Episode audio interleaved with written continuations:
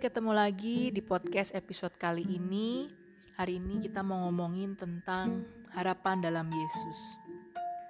Dalam kehidupan, setiap kita pasti pernah ngalamin berbagai kondisi baik. Itu kondisi senang maupun kondisi yang sedih atau kondisi yang yang gak enak buat kita. Di setiap kondisi yang sedang kita alami itu kita perlu satu hal, yaitu harapan. Kenapa? Coba kita bayangin, waktu teman kita ngerayain ulang tahun, apa yang biasa kita lakuin? Biasa kita pasti kasih selamat, kasih doa, kasih harapan biar hidupnya jadi lebih baik. Kalau waktu ada kesempatan lain teman kita ada yang lagi berduka, pasti kita akan memeluk mereka dan berdoa dengan harapan ada penghiburan dari Tuhan buat mereka. Jadi apa arti semuanya ini? Harapan selalu membawa kita pada sesuatu hal yang lebih baik. Harapan itu selalu mendatangkan perasaan yang tenang dan bukan sebaliknya.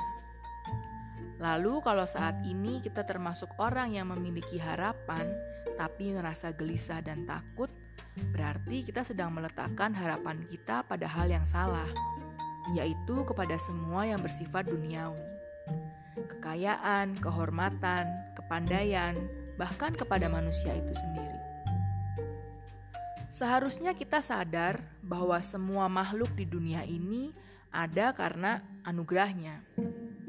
Kita semua ada hanya karena Tuhan yang berkuasa membentuk kita dan menciptakan dunia ini.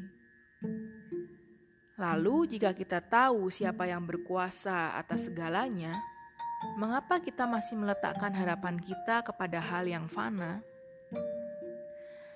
Guys, Gak ada satupun di dunia ini yang bisa kasih harapan yang membawa ketenangan dalam hidup selain daripada Dia yang menciptakan kita. Janjinya adalah pasti.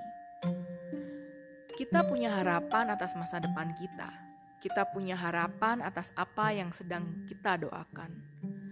Dan yang jauh lebih penting, harapan di dalam Yesus selalu mendatangkan kebaikan. So, let me tell you, berhentilah menggantungkan harapanmu pada hal yang sia-sia dan gak pasti. Sebab segala kepastian harapan atas semua yang kita inginkan hanya ada di dalam Dia, Yesus Kristus, Tuhan kita. Tuhan memberkati.